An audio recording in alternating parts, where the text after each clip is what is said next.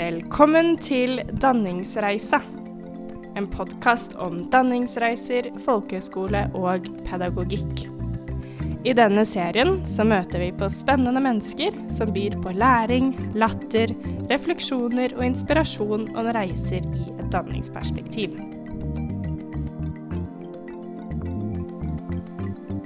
I dagens episode intervjuer Geir Ertsgaard rektor ved Elverum folkehøgskole, Per Egil Andersen.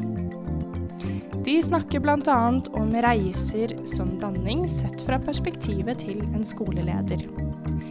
Elverum har nemlig utviklet en egen danningsbok som de bruker i arbeidet med sine skoleturer. Du er altså rektor på Elverum folkehøgskole. Det stemmer. Ja, og det betyr at du har ansvar for mange ansatte og mange elever. Ja, vi har vært 130 elever i mange år. Siste 20 åra. Nå er det nede i snaue 100. Og så er vi rundt 20 ansatte. Ja, Sånn at dere merker svingningene i folkehøgskolen. Det gjør vi. Vi la om til en veldig grønn skole for eh, tre-fire år sia. Det selger ikke så mye i dag, så nå må vi justere litt kursen. Vi har lagt ned et par linjer og skal legge til tre nye for neste skoleår. Det blir Mm. spennende. Merka dere nedgangen med en gang dere la om, eller har den kommet nå etterpå, sammen med den andre nedgangen som vi alle opplever? Vi hadde vel stabile tall under pandemien, og da la vi om enda mer til en mer kortreist skole. Eh, Men når det da ble åpna opp igjen, så, så var vi for grønne. Det, det var ikke attraktivt nok, tror vi, da. Det reiseprogrammet vi hadde, studieturprogrammet. Um, men det kan også være at vi har kjørt veldig tradisjonelt nå i snart 20 år. Det er på tide å justere litt på linjeinnhold, linjenavn. Samfunnet har forandra seg. Så det tror jeg er flere ting som slår inn samtidig. Eh, Men vi er ikke her for å snakke om eh, nedgang i søkertall. Eh, Vi er her for å snakke om danningsreisen sett fra perspektivet til en skoleleder.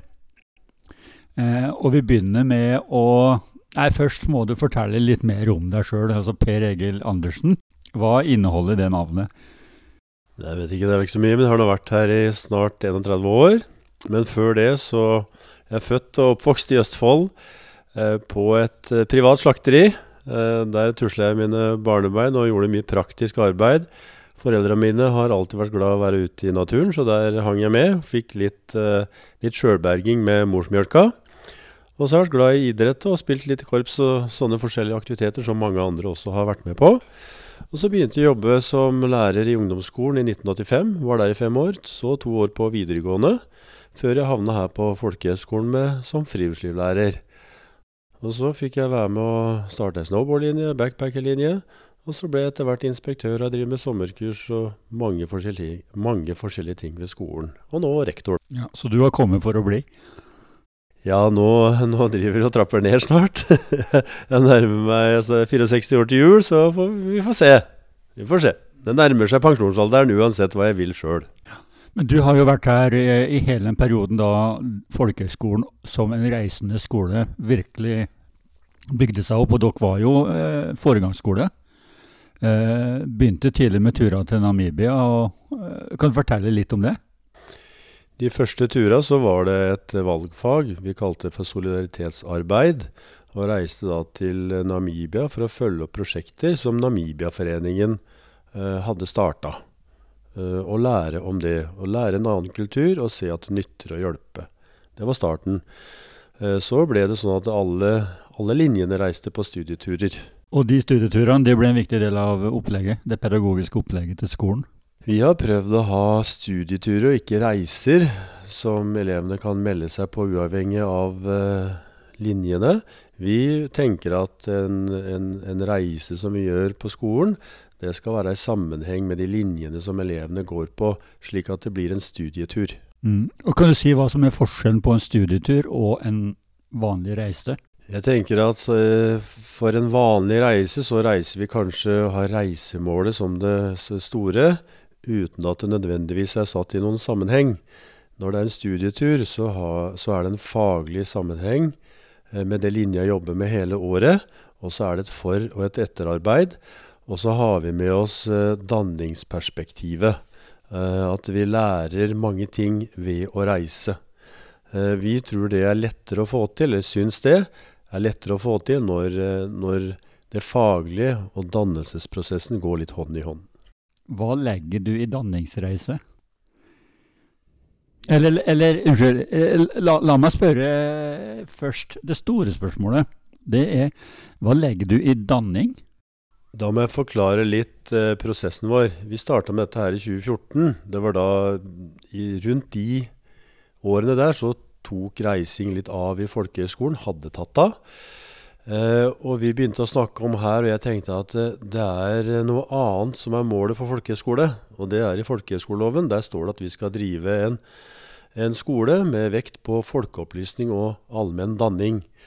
Og i noen av de reisene som jeg var, sjøl var med på å planlegge, så syns jeg det at eh, danningsperspektivet det kom lite med. Og det gjorde det også i skolehverdagen. Vi snakka om det i festtalene, men vi snakka ikke om danning daglig på lærerrommet. Så starta prosjektet i 2014 med danning i fag og lærergruppa. Det var lite danning i praksis. Eh, hva var det som mangla? Jeg tror vi hadde ingen felles strategi, en felles idé om hva danning skulle innebære på folkehøgskolen. Det var noe opp til hver enkelt lærer. Uh, hva som kom, kom, først, det faglige eller utviklingen av mennesket. Det var litt tilfeldig. Nå syns jeg vi har laga et godt system for det. Og det er jo det systemet som er, jeg syns er mest spennende å skulle snakke med deg om. fordi at dere har jobba spesielt med å lage et system for danning og danningsreiser her på Elverum, har dere ikke det? Det stemmer. Vi kaller det danningshåndbok. Det høres jo veldig flott ut. Det er et uh, praktisk verktøy der vi har skrevet ned uh, hvilke arenaer som vi jobber på når vi driver med danning. Vi har eh, konkretisert hvilke tidspunkter vi tar opp det med danning om, eller med. Det er f.eks. i husgruppene hver uke, og det er i linja hver uke. og så Da kan vi ligge i forkant med de ulike prosjektene vi har. Og så gjennom et helt år da, så, så, har vi vært igjennom mange ting i forhold til det å hjelpe et uh, menneske videre i livet. Uh, for å prøve å påvirke holdninger. Vi driver en verdibasert skole. Da må vi snakke om verdiene og bryne hver enkelt ungdom med de holdningene de har. Hva slags uh, ting er det som står der? Hva er disse verdiene som hører hjemme i denne danningshåndboka deres? Ja, først så har vi en generell del der vi har prøvd å definere hva danning er, er for noe for oss. Og uansett hvilket oppslagsverk du bruker, så får du forskjellige svar på hva danning er. Noen tenker at danning ja, det er klassisk eh, dannelse med folkeskikk og kunne oppføre seg og sånne ting. Eh, mens eh, danning er jo noe mye mer. Det er å vokse som menneske, kanskje bli en bedre utgave av seg sjøl. Eh, vi kan tøye det, ikke tøye det, men vi er, lever i et demokrati. Det å være et danna menneske er kanskje å lære seg å tenke demokratisk, og også handle demokratisk i forhold til bærekraft, så tenker vi kanskje at et danna menneske det prøver å ta vare på jordkloden vår. Altså da å være med aktivt i det grønne skiftet. Et danna menneske eh, er et menneske som ser seg sjøl i sammenheng med fellesskapet og de andre, andre mm, menneskene rundt deg. Så det er deg sjøl det handler om, men også deg sjøl i forhold til fellesskapet. Det var du som satte i gang dette arbeidet? Jo, jeg var vel den som meldte oss på kurs, og som eh, leda dagen litt. Eller eh, jeg gjorde det. Vi begynte med folkehøgskolene sitt kurs, eh, danning i og med fag. Og Derfor så begynte vi med lærergruppa i 2014 for å definere hva er danning. Hvordan driver vi danning i fagene? Så da hadde vi gruppeoppgaver og, og studiekvelder i lærerkollegiet. Og så hadde vi noen fagopplegg sammen med elevene det første året. Og så tok danningshåndboka til. Da var det to lærere som fikk i oppgave å skrive den danningshåndboka. Jeg var bare med som idémaker. Um, og da kom den generelle delen. Og så har vi en mer aktivitetsdel som forteller når vi skal kjøre de forskjellige danningsprogrammene. Og, og, det kan være en samtale hvor vi har uh, skrevet ned noen knagger, hva samtalen skal inneholde. Det kan være et rollespill. Uh, det kan være aktivt verdivalg. Så det er forskjellige metoder vi bruker da, for, å, for å berøre verdiene og for å være med ungdommen og gro som personer og mennesker. Men så det viktige da, det var at ved å ha en sånn danningshåndbok, så, så laga jo vi en mal som var lik for alle lærerne. Sånn at vi, vi tenker likt og handler ganske likt. For vi som lærere vil angripe det, vi vil snakke litt forskjellig. Men da har vi de samme temaene, de samme knaggene å gå inn i timen på. Og det tror jeg gjør det Det har gjort at vi, når vi snakker om danning nå, så er det det som er det viktigste eh, vi driver med. Så det er danning først og fag etterpå. Og jeg tror Før vi begynte med prosjektet, så var det fag først, og så var det noen som tenkte litt mer på danning. Har det forandra skolehverdagen på noen måte? Eller hvordan merker du effekten av det? Jeg syns at hvis vi, når noen spør hva er folkehøyskole, så har vi noen bedre svar. For vi kan si at jo, det viktige her det er at vi skal få ungdommene til å vokse som mennesker. Eh, fagene våre er knagger og verktøy for å få til det. Det har vært en stor forandring, syns jeg. Og så syns jeg jeg kan svare en journalist, foreldre, når jeg skal beskrive hva folkehøyskole er, så kan jeg beskrive det på en mye bedre måte nå gjennom den bevisstgjøringa vi har måttet være igjennom, gjennom å lage danningshåndboka, gjennom, gjennom studiekvelder, samtaler, gruppearbeid og litt sånn der lokal research. Jeg husker jeg spurte deg, for Da du fortalte om denne boka, så tenkte jeg kan jeg få se henne? Og så sa du nei, det går nok ikke. Hvorfor svarte du det? Jo, du kunne jo få se den, men jeg, jeg tror at hvis eh, alle skal få en kopi av Danningshåndboka altså, altså, Nå kjører vi det opplegget her, så, så, vil det ikke bli ekte. Jeg tror hver skole må gjennom prosessen for å gjøre til sitt eget, og for at det skal bli ordentlig. Men det kan være en god inspirasjon, kanskje, eller forhåpentlig for andre skoler, og mange har fått den. Men jeg tror ikke det bare er noe du kan kopiere og så øh, gjennomføre på en annen skole. Du må justere litt på det, og tygge på det, og gjøre stoffet, danningsstoffet til ditt eget. Og så gjennomføre programmet på, på den enkelte skole. da. Det du sa, var vel mer at ja, du bør vel heller komme og se hva vi gjør. Yep. Det var det du sa. Så deler vi gladelig. ja, og, og, nå er jeg her, da. Ja, bra. Ja. Eh, har dere merka noe på staben? At de eh, jobber på en annen måte? Nei, som jeg sa, så tror jeg mer alle i lærerkollegiet tenker mer danning først og fag etterpå. Det er en paraply som heter danning, som er det viktige. Vi skal få ungdommene videre. Om de jobber med kunst eller snowboard eller bistand, så, så er det danninga som, som ligger først. Men vi har det ikke noe mindre moro. Vi reiser ikke Vi har det like moro på programkvelder. Eh, for jeg tror ikke det er ikke så lett å markedsføre danning. Vi må markedsføre alt det hyggelige, morsomme, lærerike som elevene skal være med på. Men vi har noe i bånn som jeg syns er, er litt mer gjennomtenkt nå enn det vi hadde før vi begynte med dette. Og Verdien av det her det er jo både det pedagogisk, at, eh, at det gir meg mer fundament for eh, det dere driver med. Eh, men eh, har det hatt noen verdi i forhold til omdømmet eller omlandet og de som spør? Det, det, er jo mye sånn rare spørsmål til folkehøyskolen om hva er det dere holder på med. Uh, og, og, dette virker jo som en måte å svare ut det på. Det, det er det jeg syns og erfarer, at når jeg nå skal fortelle hva en folkehøyskole er, så jeg så kan jeg forklare hvorfor vi har strikking valgfag. Jeg kan forklare hvorfor vi noen ganger drar på hyttetur.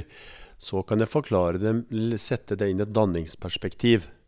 Uh, så jeg, som jeg sa, jeg syns det er mye lettere å fortelle hva du lærer på folkehøyskole nå. Hva tanken er. Og jeg syns også det er godt å vite at det programmet vi har laga gjennom Danningshåndboka, det er i tråd med folkehøyskoleloven. Vi skal drive folkeopplysning uh, og allmenn danning. Vi har prøvd å få med hele personalet på det med danning. Første året vi jobba med det, så var det bare lærerne. Andre året så var det resten av personalet, altså de som det såkalt praktiske personalet, IKV. De de var da med i år nummer to. Uh, og det var for at uh, de òg var med på, på, gruppearbeid for å snakke om situasjoner. Uh, hvordan skal vi håndtere elevene, hvordan skal vi snakke med elevene osv. Uh, for at de òg skulle få være med på uh, å være trygge på hva vi egentlig skal drive med. Det er klart, De som jobber på kjøkkenet, de skal levere god mat til elevene.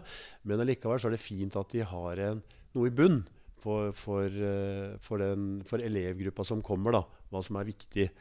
Eh, det har vært nyttig for oss. Og så har vi en liten sånn detalj som, som, jeg tror er bra for danningsarbeidet vårt. Det er at på hvert eneste læremøte så er danning en av postene. På fellesmøtet, eh, som vi har også én gang i uka, de fleste uker i året, så er også danning en av postene. Og da snakker vi om hva ukas tema er på, på begge møtene. Og da får alle sammen, eh, for dem de ikke skal inn og ha en danningstime, høre hva som er temaet denne uka. Og så hender det da at vi må bytte litt på temaene, for det har skjedd noe på skolen. Og, og, og viktig å ta opp uh, et eller annet som har, som har dukka opp. Mm. Hvordan ser du effekten av den inkluderinga av hele personalet? Jeg tror de har noe mer forståelse for uh, hvorfor elevene går her, og, og, hva vi skal fylle året med. Det, det syns jeg. Og så er mange av det praktiske personalet er flinke til å prate med elevene. De har jo vaktmestertjeneste og kjøkkentjeneste og er med. Og da er det også fint at de er med på den felles plattforma som hele skolen har. Kan du ta oss gjennom innholdet i danningshåndboka deres? Ja, det er jo en generell del som forklarer hvorfor vi driver med danning, og hvor vi driver danning, og hva danning er for noe. Det har vi prøvd å definere. Det står også på hjemmesida vår og i skolekatalogen. Eh, et, et, et, lite avsnitt om hva danning er for noe, eller hva du lærer på en folkehøyskole. Men Danningshåndboka den er satt sammen av mange timeopplegg. Eh, og der er arenaen eh, beskrevet. Hvor er det vi skal snakke om dette? Tema. Hva er det vi skal snakke om? Og metoden. Det er den tredelinga som er for hvert opplegg. Og de eh, skriva da, som hører med til hvert tema, eller hvert tema, det justerer vi. Det er levende dokument. Så hver vår og høst så redigerer vi.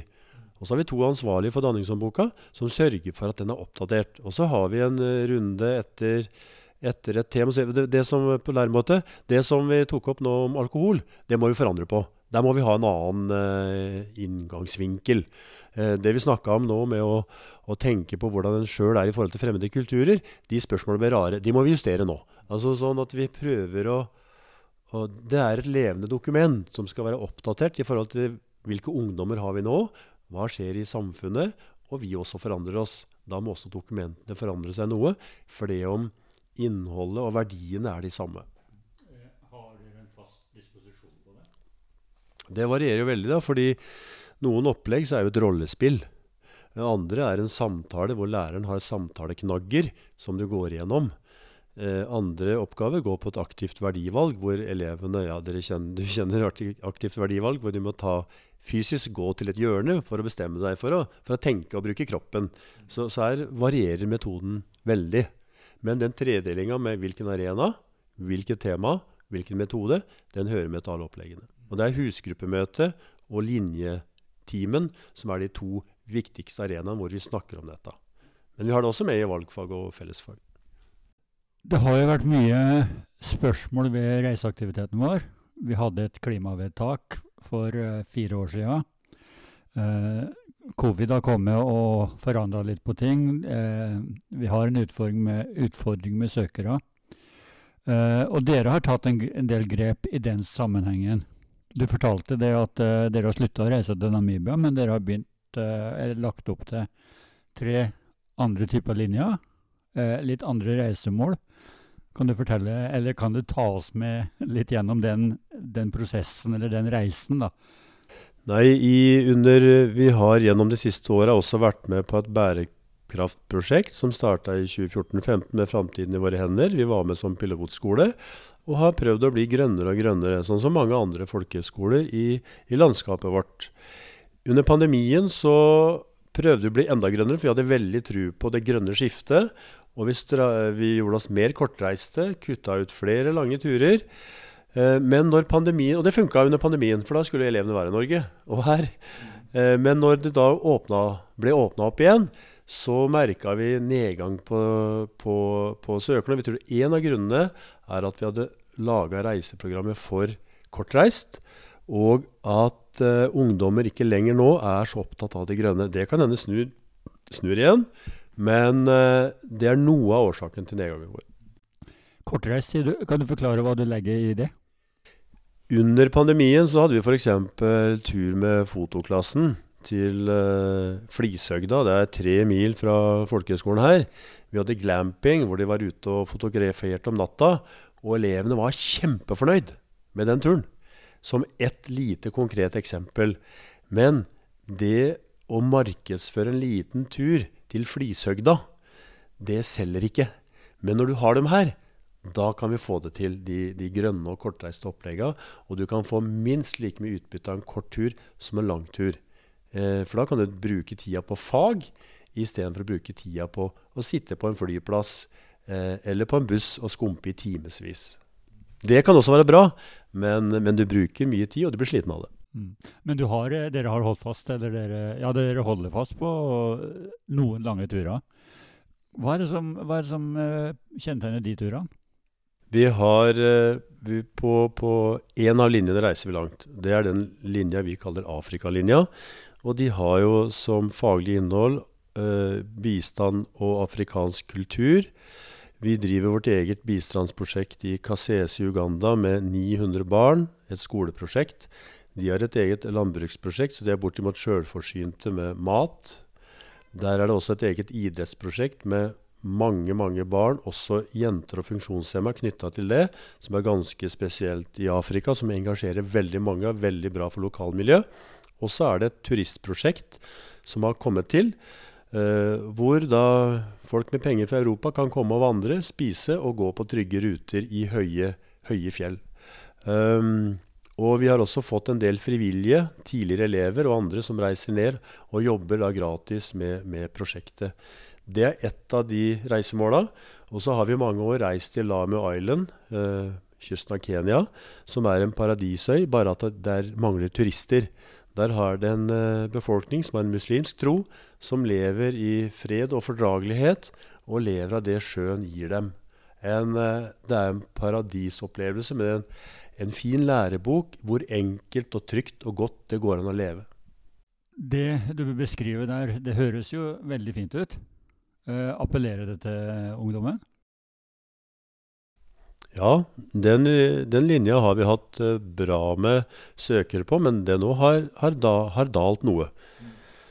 Men uh, hvordan kvalitetssikrer dere et sånt tilbud som det der? Uh, jeg skal forklare litt spørsmålet, fordi at uh, bl.a. Vegard Kjørom, NRK-korrespondent i, i Nairobi, han hadde jo et innlegg, og han, møter dere også i denne podkastserien i en egen sak. Han forteller om eh, White Saver-syndromet. sant? Eh, man kommer fra Vesten. Man, man eh, besøker en slum, man besøker et barnehjem. man har et syn på at vi skal komme og hjelpe dem, vi skal komme og redde dem. hvordan sikrer dere at det ikke er det som skjer? Vi prøver i hvert fall å sikre oss at ikke det skjer. Eh, når du kjørte inn her i dag, så så du kanskje at det var rigga til noe stort arrangement. I løpet av to dager nå så skal 1600 barn fra grunnskolen i Elverum komme hit og løpe for Afrika. De legger inn en del penger som vi sender ned, og de blir aktivisert med mange forskjellige aktiviteter. Og så reiser vi våre elever som har vært i Afrika, rundt på grunnskolen og forteller hva pengene har gått til. Vi har også en veldig solid kontakt lokalt på prosjektet, så, som setter opp budsjetter, som, som, eh, ønsker eller ber om penger til prosjekter for å dra prosjektet videre. Og, og det, det, som vi skal gjøre videre, det blir diskutert med vår kontaktperson, lærer Geir Prøven, for å sikre at dette fungerer. Og fram til nå så har det fungert. Og elevene våre de bruker jo mye av året på å samle inn penger til prosjektet. Så reiser de ned i, eh, i 14 dagers tid, jobber der og ser at pengene har kommet fram. Så det er en måte å De må slite litt for å få ned pengene. De bare reiser ikke ned og ser, men de jobber på forhånd. Reiser ned, er med å jobbe litt, ser at pengene har kommet fram, og så reiser de tilbake og formidler det de har opplevd og sett at det nytter. Så det er vår måte å sikre og garantere på at dette funker. Ved siden av så dekker skolen alle kostnader eh, til administrasjon og innkjøp, sånn at eh, alt vi samler inn, går uavkorta til prosjektet. Så det er vår garanti, da. Du svarte jo litt på det, men uh, hvordan utvikler du en sånn kontakt som den dere har i, i Uganda? Det er nok litt tilfeldig, men det er jo gjennom personlige kontakter. Og vi har en lærer her, som jeg nevnte, Geir Prøven, som reiste ned med sin familie og var der nede i en periode. Og starta privat, og så har det blitt skolens prosjekt etterpå. Så har det vokst gradvis år for år. Og han personlig har reist ned mange ganger i tillegg til å reise ned sammen med skolen for å sikre at det er framdrift, og at det er en ønska utvikling. Men det er et helt klart mål òg, fra Geir og skolen sin side, at uh, om ikke altfor lenge så skal vi trekke oss vekk fra prosjektet. Og det, allerede så er det mye av det er sjølgående. Du er jo rektor i det her. Uh, hva er din rolle i det? Min rolle er å være med og sikre at vi lager en god fagplan. Uh, støtte Geir, som er leder for prosjektet herfra, i de valg han tar. sikre at de som reiser dit, reiser trygt også at de får et faglig og personlig godt utbytte.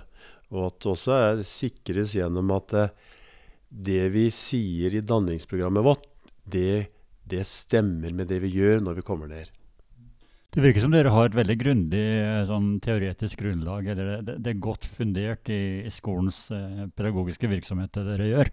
Vi, vi, prøver å ha vi, vi, vi, formulerer nok ting ganske enkelt, men vi har noen, noen enkle forskrifter som vi prøver å gjennomføre. Så sånn sett så er det, så er det Jeg syns det er godt gjennomtenkt.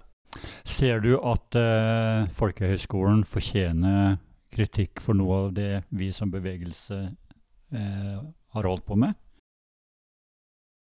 Jeg skal være forsiktig og snakke stygt om oss sjøl og våre egne, men jeg tror vi i framtida trenger å dokumentere det vi gjør. Vi må si eh, hva som er bra ved å gå på folkehøyskole. Eh, vi må si noe mer enn at eh, nei, du må gå et år sjøl. Eh, og jeg tror bl.a. vi må tørre å bruke begreper som utdanningssystemet bruker. Gjennom f.eks. kompetanse. Hva får du av utbytte ved å gå et år på folkehøyskole, det må vi tørre å beskrive. Og den utfordringen må vi tørre å ta. Og, og det er derfor jeg syns det er godt å ha danningsboka vår. Og du spurte hva sier andre. Vi hadde jo Lise Selnes i utdanningskomiteen på besøk her. For hun så var det tydelig veldig fint å få danningshåndboka. Og jeg fortalte også om vårt neste prosjekt, det er kompetanseprosjekt, hvor vi beskriver kompetansen du får gjennom å være med i et sånt eh, danningsprogram. Det var tydelig god dokumentasjon på at dette her må vi holde på. Dette er et skoleslag vi trenger, og en skole vi trenger. Så, sånn sett så tror jeg vi må være flinkere i framtida til å fortelle hva som er bra med folkehøyskole. Det må vi gjøre sjøl, i tillegg til klart det er ønskelig med forskning på skolen vår som kan dokumentere at det er veldig fornuftig. Sånn som Tom Tiller beskriver i, i noen av bøkene sine.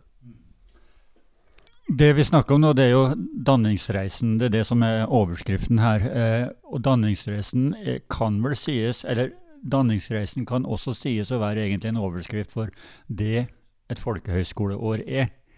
Og, og da snak, handler jo dette egentlig om eh, pedagogikk og skoleutvikling. Eh, sånn at eh, et spørsmål som er helt naturlig her, er jo hvilken retning ser du at dette vil ta i årene som kommer? Du har jo nevnt at det må dokumenteres, det må forskes. Eh, men hvis du skal være litt profetisk og si folkehøyskolen om fem år, med dagens utfordringer og dagens muligheter, eh, hvor, hvor ønsker du at det går? Jeg tror vi må Det går litt på det samme som jeg sa. Jeg tror at vi må dokumentere enda bedre hvor, på de reisene vi gjør, og på det innholdet vi har. Hvorfor reiser vi dit og dit? Å og ha en god faglig, pedagogisk grunn for å gjøre det. Men jeg tror også at pendelen vil svinge igjen. Vi sier nå, eller Undersøkelser viser at 19-åringer eh, er ikke så opptatt av det grønne skiftet som de var for bare noen få år tilbake. Det tror jeg kommer til å svinge igjen når vi nå ser at uh, klimaet forandrer seg raskere og raskere, og vi kjenner det mer og mer på kroppen, så tror jeg at eh, vi vil etter hvert må lytte til det som skjer, og vi må handle deretter. Da tror jeg også at det grønne vil eh, få, få mer gjennomslag igjen, og vi må må være mer tro mot det grønne vedtaket vårt for noen år siden i folkehøyskolelandskapet. Så jeg tror det grønne kommer. Jeg tror også vi må definere kompetansen som du får ved å gå på folkehøyskole. Og, og også det med danning blir viktig i framtida, fordi det er mandatet vårt. Og hvis vi ikke følger mandatet, så er jeg redd for at uh, noen effektive politikere kan fjerne oss fra systemet. Det er litt skremselspropaganda, men jeg tror det. Hvem kommer til å være våre elever om fem år? Sånn som jeg leser elevene uten å ha forska, så virker elevene mer usikre nå enn for noen år tilbake. De er livredde for å gjøre feil. Eh, de har nok kanskje blitt mer beskytta i oppveksten, både hjemme og i skole og fritidsaktiviteter, som gjør at en 18-åring nå er mindre selvstendig enn han var før. Det vil jo si at det trygge miljøet som en folkehøyskole eh, kan og er være, så tror jeg det blir enda mer behov for folkehøyskoler. Men vi må fortelle hvor viktig rolle vi har. Og da må vi argumentere Bruke argumenter som politikerne forstår. Mm. Og kanskje ungdommen og familien deres Sel også? Selvfølgelig. selvfølgelig. Mm. Ja.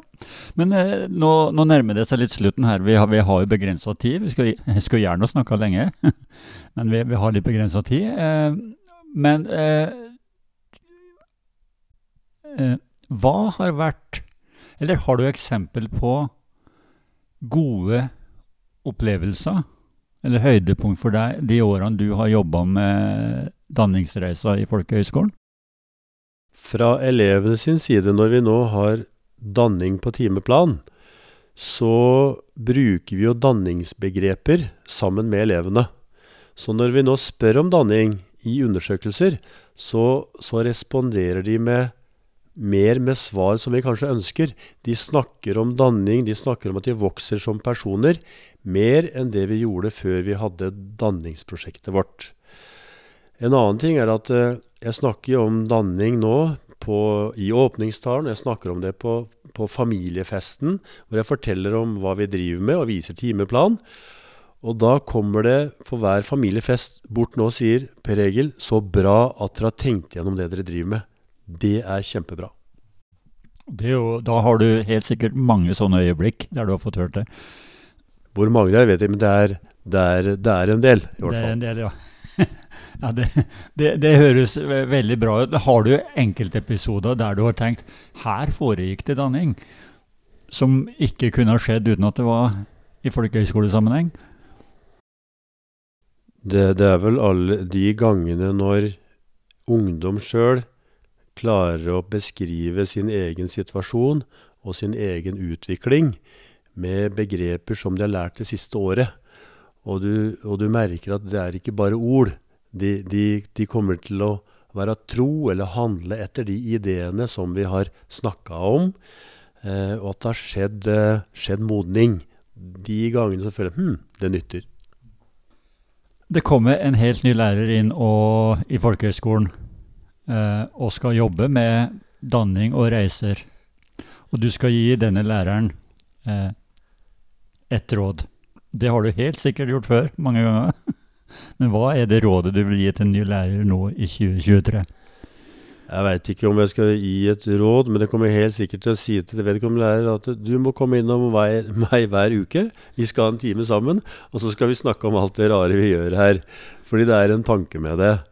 Um, det, det er det jeg kommer til å gjøre. Men jeg skal være forsiktig med Jeg skal ikke sitte her og si det rådet jeg kommer til å, til å gi. Men uh, jeg kommer nok til å si at du må ta del i det vi driver med. og det er en grunn til at vi gjør som vi gjør. Men dette er jo god sokratisk pedagogikk, eller kirkegårdiansk pedagogikk, eller hva en skal kalle det. Så dette høres jo veldig folkehøyskole ut. Det du fortalte nå, eh, det vitner jo om en tilstedeværende ledelse. Jeg tror det er veldig viktig at uh, når du er leder, så må du ta ansvar. Det er på godt og vondt. Du må prøve å trekke skolen din og flokken din, de fantastiske ansatte, no, i noen retninger. Du må ha noen klare mål om det. Og da er det den fantastiske muligheten vi har til å sette ting på dagsorden. Det har vi som, som leder. Og jeg har vært heldig som har kunnet danning skal vi jobbe med. Bærekraft skal vi jobbe med. Nå blir det kompetanse vi skal jobbe eh, med neste gang. Og jeg syns kolleger, kolleger har vært flinke til å være med, tenke, drøfte og særlig handle. Um, så, så, jeg gleder meg til fortsettelsen. Du, har, eh, du, ser ut til å ha stor glede av det du holder på med. Uh, du har noen klare, klare ledetråder. Altså, du skal vise retning. Du skal være til stede. Og vi skal drive med danning, og du skal vite hva du mener med danning. Er det oppsummert riktig? Du har spurt om noen råd eller noen uttrykk. Og vi har jo en annen litt rar ting med oss. Vi har jo knytta all arbeidstida til det pedagogiske personalet til arbeidssted til skolen. Det vil si at lærerne er mye på jobb. De planlegger uh, timene sine her og er mye til stede. Og jeg tror enkelt det er sånn når du driver med, når du driver med oppdragende virksomhet og omsorgsarbeid, så er det tilstedeværelse som er nummer én, som er viktig. Og da kan vi kan sammenligne litt med landbruket. Hvis du skal få god mjølk som bonde, så må du være ofte i fjøset. Det virker som du har stor glede av eh, jobben din. Du har en, eh, en gammel skole eh, på utsida, som på innsida er oppgradert så det holder. Vi har restaurert. Det er en gammel skole, snart 100 år. Nå har vi restaurert det fysiske her, så det begynner å hjelpe og ser pent og fint ut. Så jeg håper vi er en uh, moderne skole i et gammelt skall. Tusen takk for praten, eh, Per Egil. Uh, det har vært en glede. Jeg ønsker deg masse lykke til med det som kommer. Og så skal vi se at dette er ting som folk Eller vi håper at dette er ting som folk kan ta med seg. Tusen takk for praten.